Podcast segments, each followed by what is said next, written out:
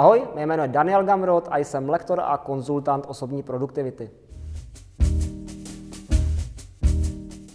Milí přátelé, eh, mé pozvání k rozhovoru na téma, jak podnikají profesionálové, eh, dnes přijal Dan Gamrod. Dane, vítej. Čau, Roberte. Eh, mám radost, že jsi udělal čas, nejen pro tenhle rozhovor, ale jsi přijal vlastně i na dnešní think tank na Volné noze, který tady dneska odpoledne probíhá. Ten think tank se týká osobní produktivity, mm-hmm. což je tvoje doména, tvoje specializace.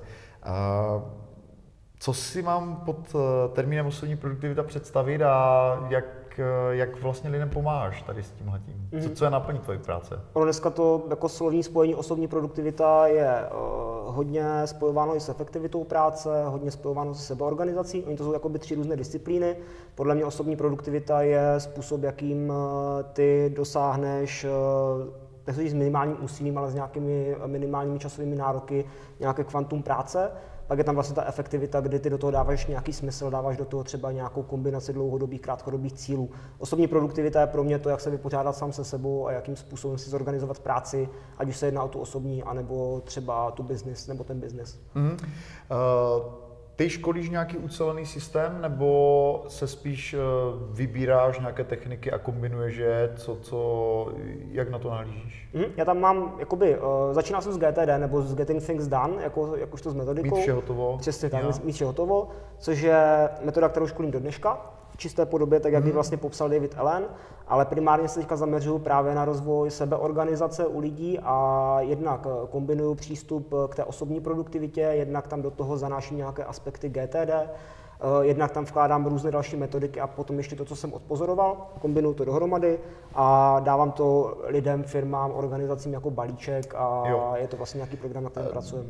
Ty říkáš osobní produktivita, ale eh, pokud je to teda určeno pro firmu, tak eh, předpokládám, že firma má také nějaký systém řízení. Mm-hmm. Do jaké míry je tvoje osobní produktivita kompatibilní s různými metodami řízení? Protože mm-hmm. jedna věc je to, že já se rozhodnu na vlastní pěst třeba ve firmě, že budu uplatňovat nějaký systém mm-hmm. osobní produktivity, ale ta firma je nějakým způsobem řízena. Takže jaké jsou, řekněme, limity té, té kompatibility? Nebo, to, nebo, je, nebo to je plně kompatibilní, jak, jak to vidíš ty? Já jsem se zatím nesetkal s překážkou, protože já těm lidem vždycky, nebo respektive, když si mě povolá nějaký HR manažer nebo nějaký člověk, který chce implementovat tady tyhle ty principy pro své lidi nebo ke svým lidem, tak já se vlastně vždycky představuju tu metodiku, nebo respektive to, co já tam implementuju.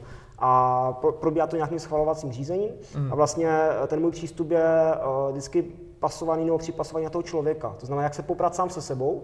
Není to vlastně rozšíření na, nebo změna nějakých firemních procesů nebo firemních eh, principů, ale je to vlastně to, jak zorganizovat sám sebe. Což eh, v podstatě se dá... V, v limitech, které jsou dány těmi firmními Sam, samozřejmě. mantinely. Jo, samozřejmě potom je otázka, co to je za člověka. Jako jestli to je člověk, eh, jestli to je prostě nějaký obchodní ředitel, nebo to je člověk, který dělá práci, kterou si vlastně nemůže sám organizovat, je to obrovský rozdíl. Jo? Pro hmm. Těm lidem Chápu. třeba nepomůžu. Eh, kdyby si měl vysvětlit svoji babičce, čím se zabýváš, jak bys to popsal ty? Uh, pomáhám lidem růst, já nevím, jak by to vysvětlila babičce. Pomáháš lidem růst, to by se vyděsila možná. já vím, že jo.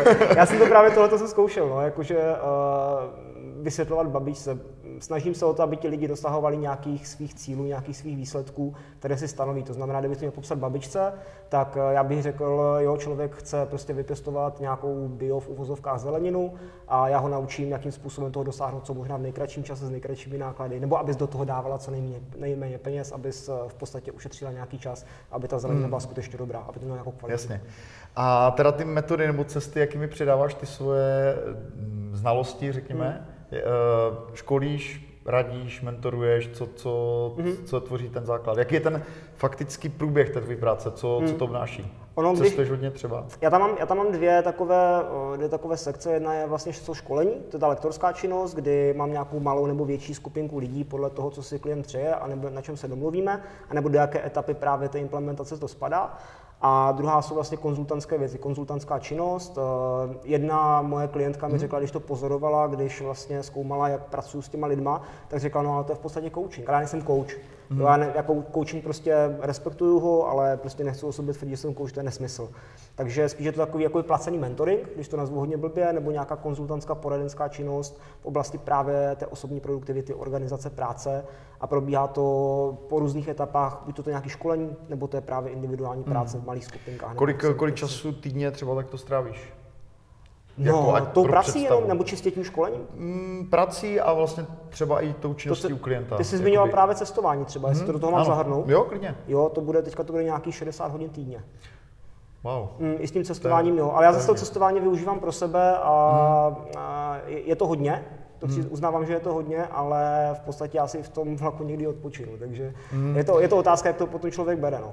Uh, já na tebe musím něco prozradit. Hmm. Pro diváky, kterým to třeba není, nebo tě neznají, uh, ty to sám o sobě neřekneš, ty patříš mezi lidi, kteří jsou v oblasti té osobní produktivity velice dobře hodnocení, si velice žádaný jako řečník. Hmm. Uh, uh, už, si, už jsem tě viděl párkrát v akci, takže můžu potvrdit, že to, že, že máš velice dobrý, dobrý přednes a výkon a tak, ale zase na druhou stranu o tobě vím, že jsi introvert mm-hmm.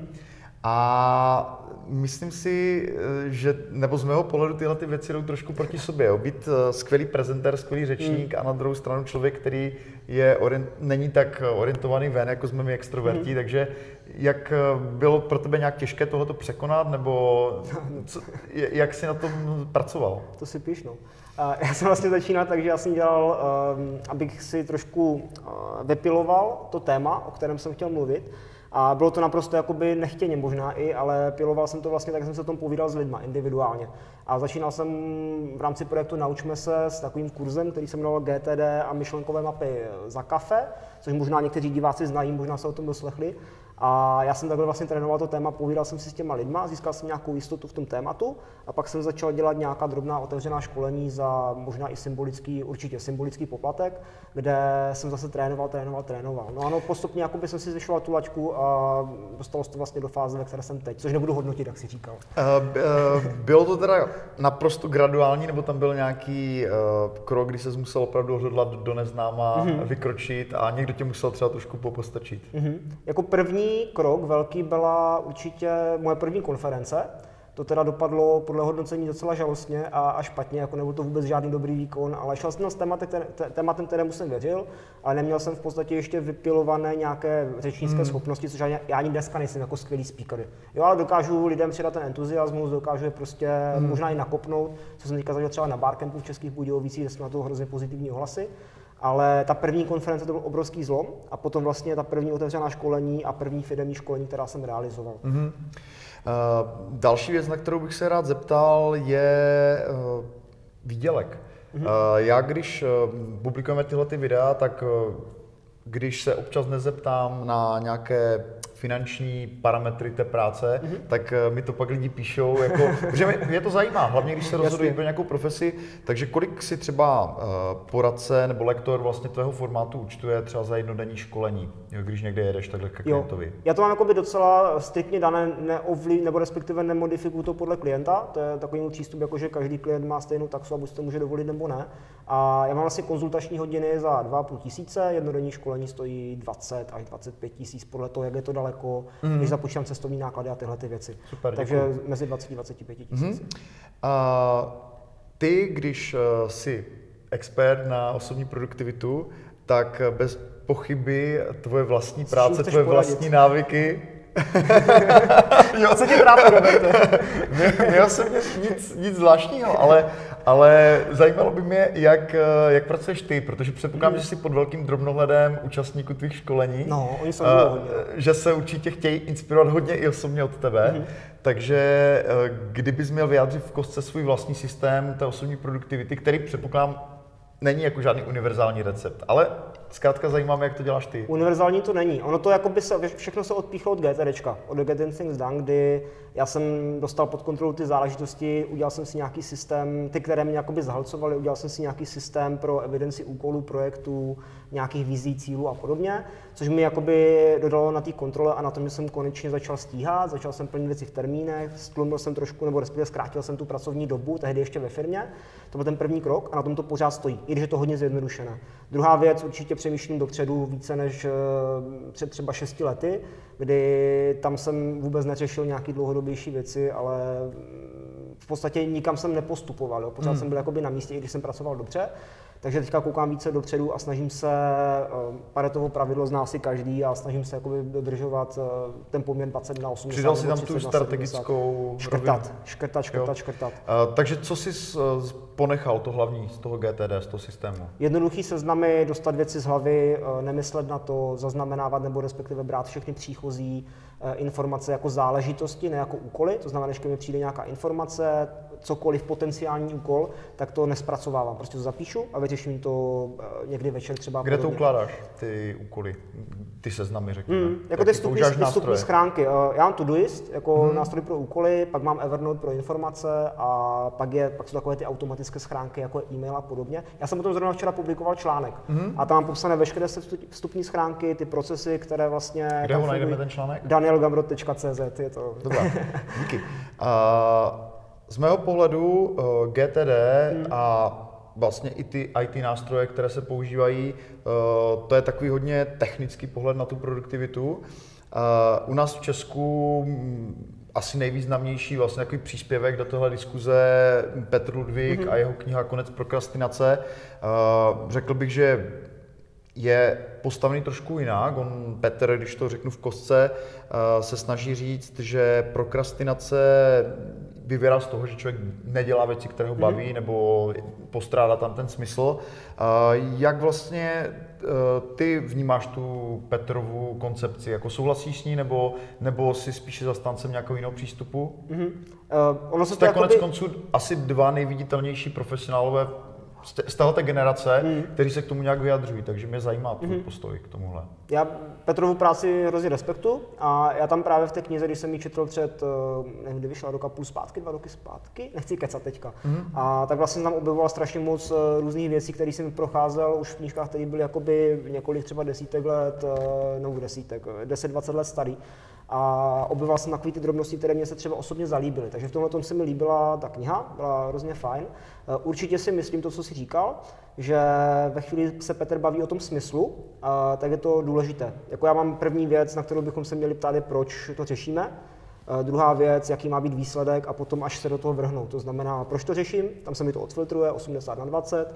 A druhá věc, jaký má být ten, eh, američani tomu říkají fenomenální úspěch. O takový to, hmm. když se stane to úplně nejlepší, nejpozitivnější, co se nikdy nestane, ale tak, jak to bude vypadat. Takže tohle to mi dává ohromný smysl. Ty nástroje, které tam jsou, podle mě můžou lidem pomoct. Eh, jsou tam věci, jako je, teďka nevím ty název, buzzer lístek, potom ta vizualizace úkolů a podobně. Určité skupině lidí to může pomoci. Otázka je potom, jakoby to dodržování, ta disciplína a a to, co třeba na co mě upozornil jeden hodně zkušený kamarád, ten říkal, a co se stane, když to prostě nebude fungovat? Co když se ti lidi díky tomu dostanou do jiné, jiné pasti? Jo, co jim hmm. potom pomůže. Jo? Takže ty se uh, s Petrovým postupem stotožňuješ uh, víceméně? Uh, v podstatě souhlasím tam hmm. s, se spoustou bodů. Uh, chybí mi tam potom nějaký následný řešení, co když se stane něco, tak jak mám postupovat potom dál. Jo, tam Jasně. prostě je jedno, jedno konkrétní řešení. Hmm. A což není špatně, což není jakoby blbě, ale... Hmm. Uh, děkuju. A co, když se vrátím eh, ke tvému podnikání, mm-hmm. Uh, jaké byly tvoje podnikatelské začátky? Byl tam nějaký uh, člověk, který tě motivoval podnikat, nebo uh, co bylo vlastně impulzem pro to jít na volnou nohu, začít podnikat? Uh, měl jsi třeba nějaký podnikatelský vzor, někdo, mm-hmm. někdo koho, kdo mm-hmm. tě ovlivnil? Já jsem vlastně, jako ten první krok bylo, když jsem potkal svoji partnerku a ona mě učila angličtinu a eh, když jsme se spolu seznámili, tak eh, ona mi říkala, hele Dana, jako z té firmy fakt musíš odejít, jako to, to, to nejde, jo. takhle prostě nemůžeš fungovat, jako tam ta kreativní práce je úplně potlačená, pojď jakoby něco dělat a najdi si jinou práci nebo začni nějak jinak fungovat. A já jsem, jako, já jsem říkala, v čem mám, mám jako podnikat, jako já tady teďka čtyři roky dělám konzultanta, projektáka občas a co mám dělat. A Skončilo to vlastně tak, nebo respektive začalo to tak, že já jsem vyfotil nějakou myšlenkovou mapu tehdy, už nevím proč, prostě lidi si fotili selfiečka, že já jsem si fotil myšlenkové mapy, dal jsem to na Twitter, strhl se kolem toho velký ohlas A lidi to začalo zajímat, protože to vůbec neznali. To je tři roky zpátky. A já jsem díky tomu získal obrovské publikum a řekl jsem si, tak proč nevypsat nějaké otevřené školení a neukázat lidem, jak se vlastně s myšlenkovými mapami pracuje. No a tam to vlastně začalo, to byl takový ten start. A co se týče těch eh, lidí, kteří mě třeba eh, jednak ovlivnili a jednak kteří jako myšli tím vzorem, tak každý má nějaký vzor, mm. to je mhm. podle mě dobrý jakoby pro ten růst. A jako největší, největší lidi, nebo respektive ti lidi, kteří mě nejvíce ovlivnili, byli určitě partnerka, Určitě to byl Adam Marčan z Naučme se, který mi mhm. se vším vycházel vstříc, spolupracoval se mnou na přípravě těch kurzů a podobně. Byl to Jaroslav Homolka, což je kouč skladna, který mi dal obrovské jako množství takových těch eh, jak se tomu říká, pravý háku možná, kde já jsem jako přišel s nějakým námětem a on mi udělal takový to, co když. Mm. Jo, a prostě mě, já, já, jsem měl takový to nadšení, lítal jsem v těch obláčcích, on mě srazil se nohama na zem a tohle to dělá v podstatě do dneška. Mm. Takže eh, když to schrnu, ty jsi začal podnikat skrze to, že jsi na nějakých malých zakázkách vyzkoušel, že to funguje, mm. což je obecně strategie, která je mm. hodně, hodně vhodná jo, pro mm. začátek podnikání na volné noze. A jak vnímáš to své podnikání dnes? Kdy se třeba začal ty sám vnímat jako podnikatel nebo jako nezávislý profesionál? Jako vnímáš, že uh, se nějakým způsobem vyvíjí ta tvoje autonomie v tom podnikání, že máš třeba větší kontrolu nad tím, co děláš dneska? Eh, kontrolu určitě ano. Hmm. Vlastně ten přerod byl asi ve chvíli, protože já jsem podnikal a fungoval ve firmě paralelně zhruba asi sedm měsíců, pokud se nepletu, tak nějak 7-8 měsíců. A vlastně ten jakoby klíčový přerod byl, be, byl ve chvíli, kdy jsem eh, od 1. září jakoby přestoupil zcela na volnou nohu a když jsem měl před sebou tři měsíce a v podstatě neměl jsem zajištěný příjem a říkal jsem si, tak tohle to podnikání, jo, to, je, to, to, takhle jako funguje, to, jo. A, co, a co s tím budeme teďka dělat? Takže jako, ale postupně se to jako by nějak vytříbilo, přišla mi, že jo, poslední výplata z práce, teďka jsem jako šetřil každou korunu a začalo to postupně růst a získal jsem vlastně obrovské množství času právě na propagaci a tyhle ty věci a díky tomu jsem mohl odvádět kvalitní práci, mohl, si, mohl se o tom více lidí říct, což na čem vlastně stavím do dneška, na těch referencích. A tam to vlastně přišlo. Ten zlom byl 1. září 2013. Mm-hmm.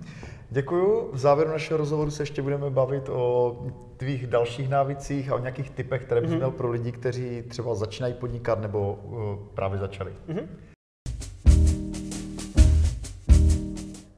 Uh, Dane, ty jsi se zmínil, že když jsi začínal podnikat, tak si šetřil každou korunu. Mm-hmm. Uh, máš pocit, že to období, kdy jsi začínal a kdy to bylo, kdy jsi vlastně neměl zakázky, musel si hodně optimalizovat svoje náklady, že tě to naučilo něco? Hmm. Já si myslím, že mě to naučilo uh, hrozně moc uh, řešit, teďka přemýšlím, to popsat slovy. Uh, přemýšlet o tom, jak budu fungovat eh, v následující budoucnosti. To znamená přemýšlet o tom, je následující budoucnost, eh, přemýšlet o tom, jak budu vlastně fungovat za tři, za čtyři měsíce, ve chvíli těch zakázek bude pořád stejně, kdy mhm. nebudu mít ten příjem, jaký jsem si představoval, a přemýšlet o tom jednak, co pro to musím udělat, aby se to dostalo do nějakého jakoby, alespoň normálního stavu a jednak hlavně na čem třeba ušetřit, to znamená, jak skrouhnout některé náklady na úkor, eh, aby to nebylo na úkor kvality. Mm. No, takže tohle to myslím si, to je to, co mě napadá teďka bez přípravy možná ještě spoustu dalších věcí. Uh, na čem jsi třeba šetřil a jaká byla v té době tvoje finanční rezerva? Určitě ubytování, určitě cestovní náklady, určitě pronájmy zasedaček, ne, nevybíral jsem si ty nejdražší a ty nejlepší zasedačky ale vybíral jsem teď si... Teď jo, jo. Ale teď, teď, teď, samozřejmě to jsou prostě ty nejdražší hotely a podobně. co si, co si budeme povídat. Ale uh, co, co finanční rezerva, když jsi šel na volnou nohu? Měl jsi nějakou, opíral se o nějakou takovou byla tam, jistotu? Byla tam, nebyla taková, jakou jsem si jakoby představoval, když jsem s tou prací končil, nebo když jsem dával tu výpověď, ale byla tam a věděl jsem, že ta rezerva tam je. Takže nějaká, Jak velká jsi? Přibližně uh, zhruba kolem 100 tisíc tam bylo. Hmm. Jo, což jakoby mě dostačovalo, kdybych se fakt jako šetřil a nepil bych kávičky a podobně, tak by mi to fakt na nějaké, nějaké dva, tři, čtyři měsíce stačilo, kdyby byl, žil opravdu jako skromně. Jo. jo s tím, že, kdyby, že bych měl nějaký příjem do toho. Mm-hmm. Takže to bylo úplně v pohodě. No. Uh, pojďme eh, se na závěr věnovat eh, nějakým konkrétním radám, typům, doporučením. Uh, v prvé řadě, mm. kdybys měl člověku, který kterému padá práce na hlavu mm-hmm. a potřebuje první pomoc, Uh, kdybych mu měl poskytnout tu první pomoc, co bys, mm-hmm. co bys mu poradil třeba pár rychlých kroků, které může třeba začít dělat ještě dneska mm-hmm. a udělá tím dobrý krok směrem k nějaké lepší osobní produktivitě. Jako kdyby to mělo být z těch metodik bez mého hmm. nějakého působení, ani kdybych jako tam neměl Řekněme být. pár takových dobrých rád, hmm. které nevyžadují, aby hnedka ten člověk četl knihy a tak dále, aby se nějak dál hmm. dosáhle vzdělával. Hmm. hmm. Tam vlastně jakoby to, co pomáhá uh, velmi rychle, je třeba uh, docela populární jeho matice priorit. Uh, věci, rozdělení věci na urgentní, důležité, neurgentní, nedůležité, mm-hmm. takový ten odpad v podstatě. A ujasnit si tady tohle, to neříkám jakoby aplikovat nějaké matice, ale jakoby ujasnit si, co na mě jenom křičí a vlastně s tím nemusím vůbec nic dělat, takový ty telefonáty, který zvedám každou minutu a podobně, což třeba nikdy nemá smysl, pokud nejsem helpdesk eh, nějaký hmm. konzultant. A druhá věc, ujasnit si, co je pro mě důležité a jakoby tomu se skutečně věnovat a až v druhé řadě jakoby eh, pokračovat v těch dalších věcech. To je jedna z těch věcí. Eh, další věc určitě psát si protože lidi dneska skáčou nebo fungují v režimu takzvaného hasiče jenom z toho důvodu, že v podstatě skáčou od úkolu k úkolu, eh, nerozlišují priority, vůbec to neřeší. A já bych tam to prostě prostě sepsat si to a nějakým způsobem si vizuálně buď to rozdělit podle těch čtyř kvadrantů, ty úkoly do nějakých kategorií, nebo prostě alespoň se zamyslet nad tím, co Jak často to dělat? Jednou denně třeba? Mm, jednou denně, udělal bych to na závěr každého dne. Jo, na závěr se... každého dne jakoby plán na ten další den. V podstatě jo, jakoby vědět, co mám eh, na starost, co z toho je potřeba udělat, co z toho má jaký termín a podobně. A skutečně vědět to ráno, když se stanu, do čeho se pustím, hmm. abych se nevrhl hnedka do toho režimu hasiče. Já mám takový, jakoby, eh, já mám ranní rituály. První pravidlo je uh, nesahat na mobil. To jako pokud fakt nefunguju v režimu, kdy musím řešit, hasit nějaké věci, z náplně mý práce, protože prostě musím, vlastně nesahat na mobil. Jenom udělat... v rukavici. Ale ty bys to zase obešel, Jo, protože to, je, to je, já vidím, to je ten spouštěč pro hodně lidí, jo, že jo, jo, jenom si pročtu maily, jenom si podívám hmm. sociální sítě a pak si udělat nějakou rutinu. To znamená udělat si uh, jídlo, káva, limonáda, tomu říkám, taková ta snídaně, že jo.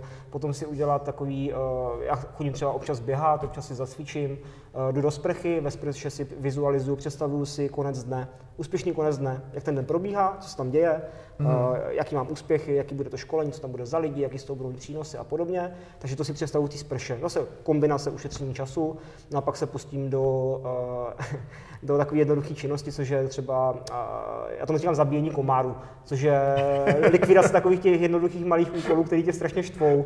Jo, to je takový docela dobrý warm-up, takový, taková zahřívačka, to tě zahřeje a pak začínám tlačit ty balvany a začínám jakoby pracovat s těmi úkoly. Já potřebuji, já potřebuji to zahřání, zahřátí předtím, než se pustím do těch balvanů. No, aha, aha. Sport. Uh, výborně, díky za rychlé schrnutí. Pojďme k dalším typům. Co bys doporučil za knihy? To už je, řekněme, mm-hmm. pro toho, kdo se chce trošku více tomu věnovat, více se vzdělávat, má mm-hmm. nějaký čas. Jede na dovolenou teďka na léto a chce mm-hmm. si vzít nějaké dobré knihy, které by ho v tomhle směru posunuli. Tak určitě, my jsme zmiňovali ten konec prokrastinace. Já si myslím, že pro hodně lidí to může být nějaké řešení, takže mm. tohle je určitě mm, dobrá kniha. Mě hodně pomohla třeba kniha, nebo pomohla, ona taková drobnost, ale kniha od Marka Forstera, která jmenuje Do It Tomorrow, udělej to zítra. Což eh, pro hodně lidí, když slyší ten název, tak se začnou smát na hlas a říkají, pro boha, udělej, udělej to zítra. Jako co to je, to je prokrastinační kniha, jo? to je prostě, to je úplně, co se pere s Petrem Ludwigem. Ale ono to je vlastně o tom, že učí lidi neřešit ty věci hned. Eh, říká, odkládej to prostě rozhodnutí na večer nebo na zítra, a zpracováváte to s čistou hlavou a uvidíte, že prostě 80% věcí stejně nakonec vyškrtáte, protože už je nebude potřeba hmm. dělat. Mm. Takže vlastně tohle mi hodně pomohlo. Potom takový ty Bible, GTDčka, Getting Things Done, nebo mít vše hotovo v češtině, eh, aby vše klapalo od Jan, od Jan Melville Publishing. Mm. Um, hodně populárně Brian Tracy, třeba sněste tu žábu a právě ta likvidace těch velkých kamenů, nebo on tomu říká žáby, uh, někdo prostě jí slona, někdo jí žáby, každý to má trošku jinak. Uh, hodně to zmiňoval, myslím si, Filip Dřímalka, čtyřhodinový pracovní týden. Uh, neříkám řídit se tím jakoby kapitolu od kapitoly, ale naučit se skutečně přemýšlet nad tím svým časem a nad tím, jestli ty činnosti, které děláme každý den, nemůžeme udělat Tak u tebe je to v, dis- v disproporci 4 hodiny a 60, takže to je ale jasně, inspirace. No. Musím se nad sebou zamyslet. No. díky, díky, Dan. Uh, poslední typy. Uh, představ si, že si podnikatelský mentor a mhm. měl bys dát uh, rady člověku, který uvažuje, že by se stal konzultantem mm. ve firmním prostředí, mm. tak jako ty, uh, nebo lektorem. Uh, v čem si myslíš, že jsou nějaké zásady hlavní, jak by tohleto v podnikání mm.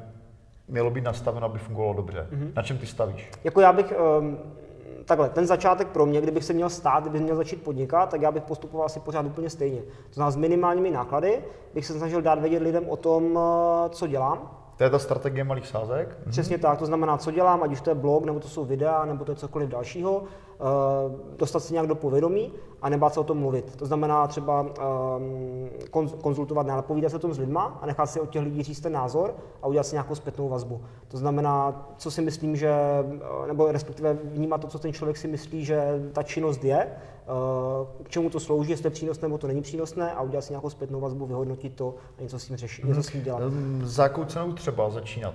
Co si myslíš, že je taková dolní hranice, pod hmm. kterou už jako je lepší spíš nechodit. Hmm. Kde si myslíš, že takový, takový minimum, kde začínají třeba junior konzultanti, junior lektoři ve tvém oboru? To, to je otázka. No. Jako já jsem začínal zdarma, takže, ale já jsem měl tu výhodu, že jsem měl paralelně s tím zaměstnání. Takže kdybych hmm. přecházel z toho zaměstnání, tak bych se fakt nebal eh, vstát každý den o dvě hodiny dříve hmm. a pracovat na tom. Jo, to, co jsem třeba dělal, já jsem stál prostě o půl pátý nebo ve čtyři, pracoval jsem dvě hodiny na tom svém podnikání a pak jsem šel prostě do firmy a normálně jsem fungoval v 8 hodinovém režimu ve firmě nebo více.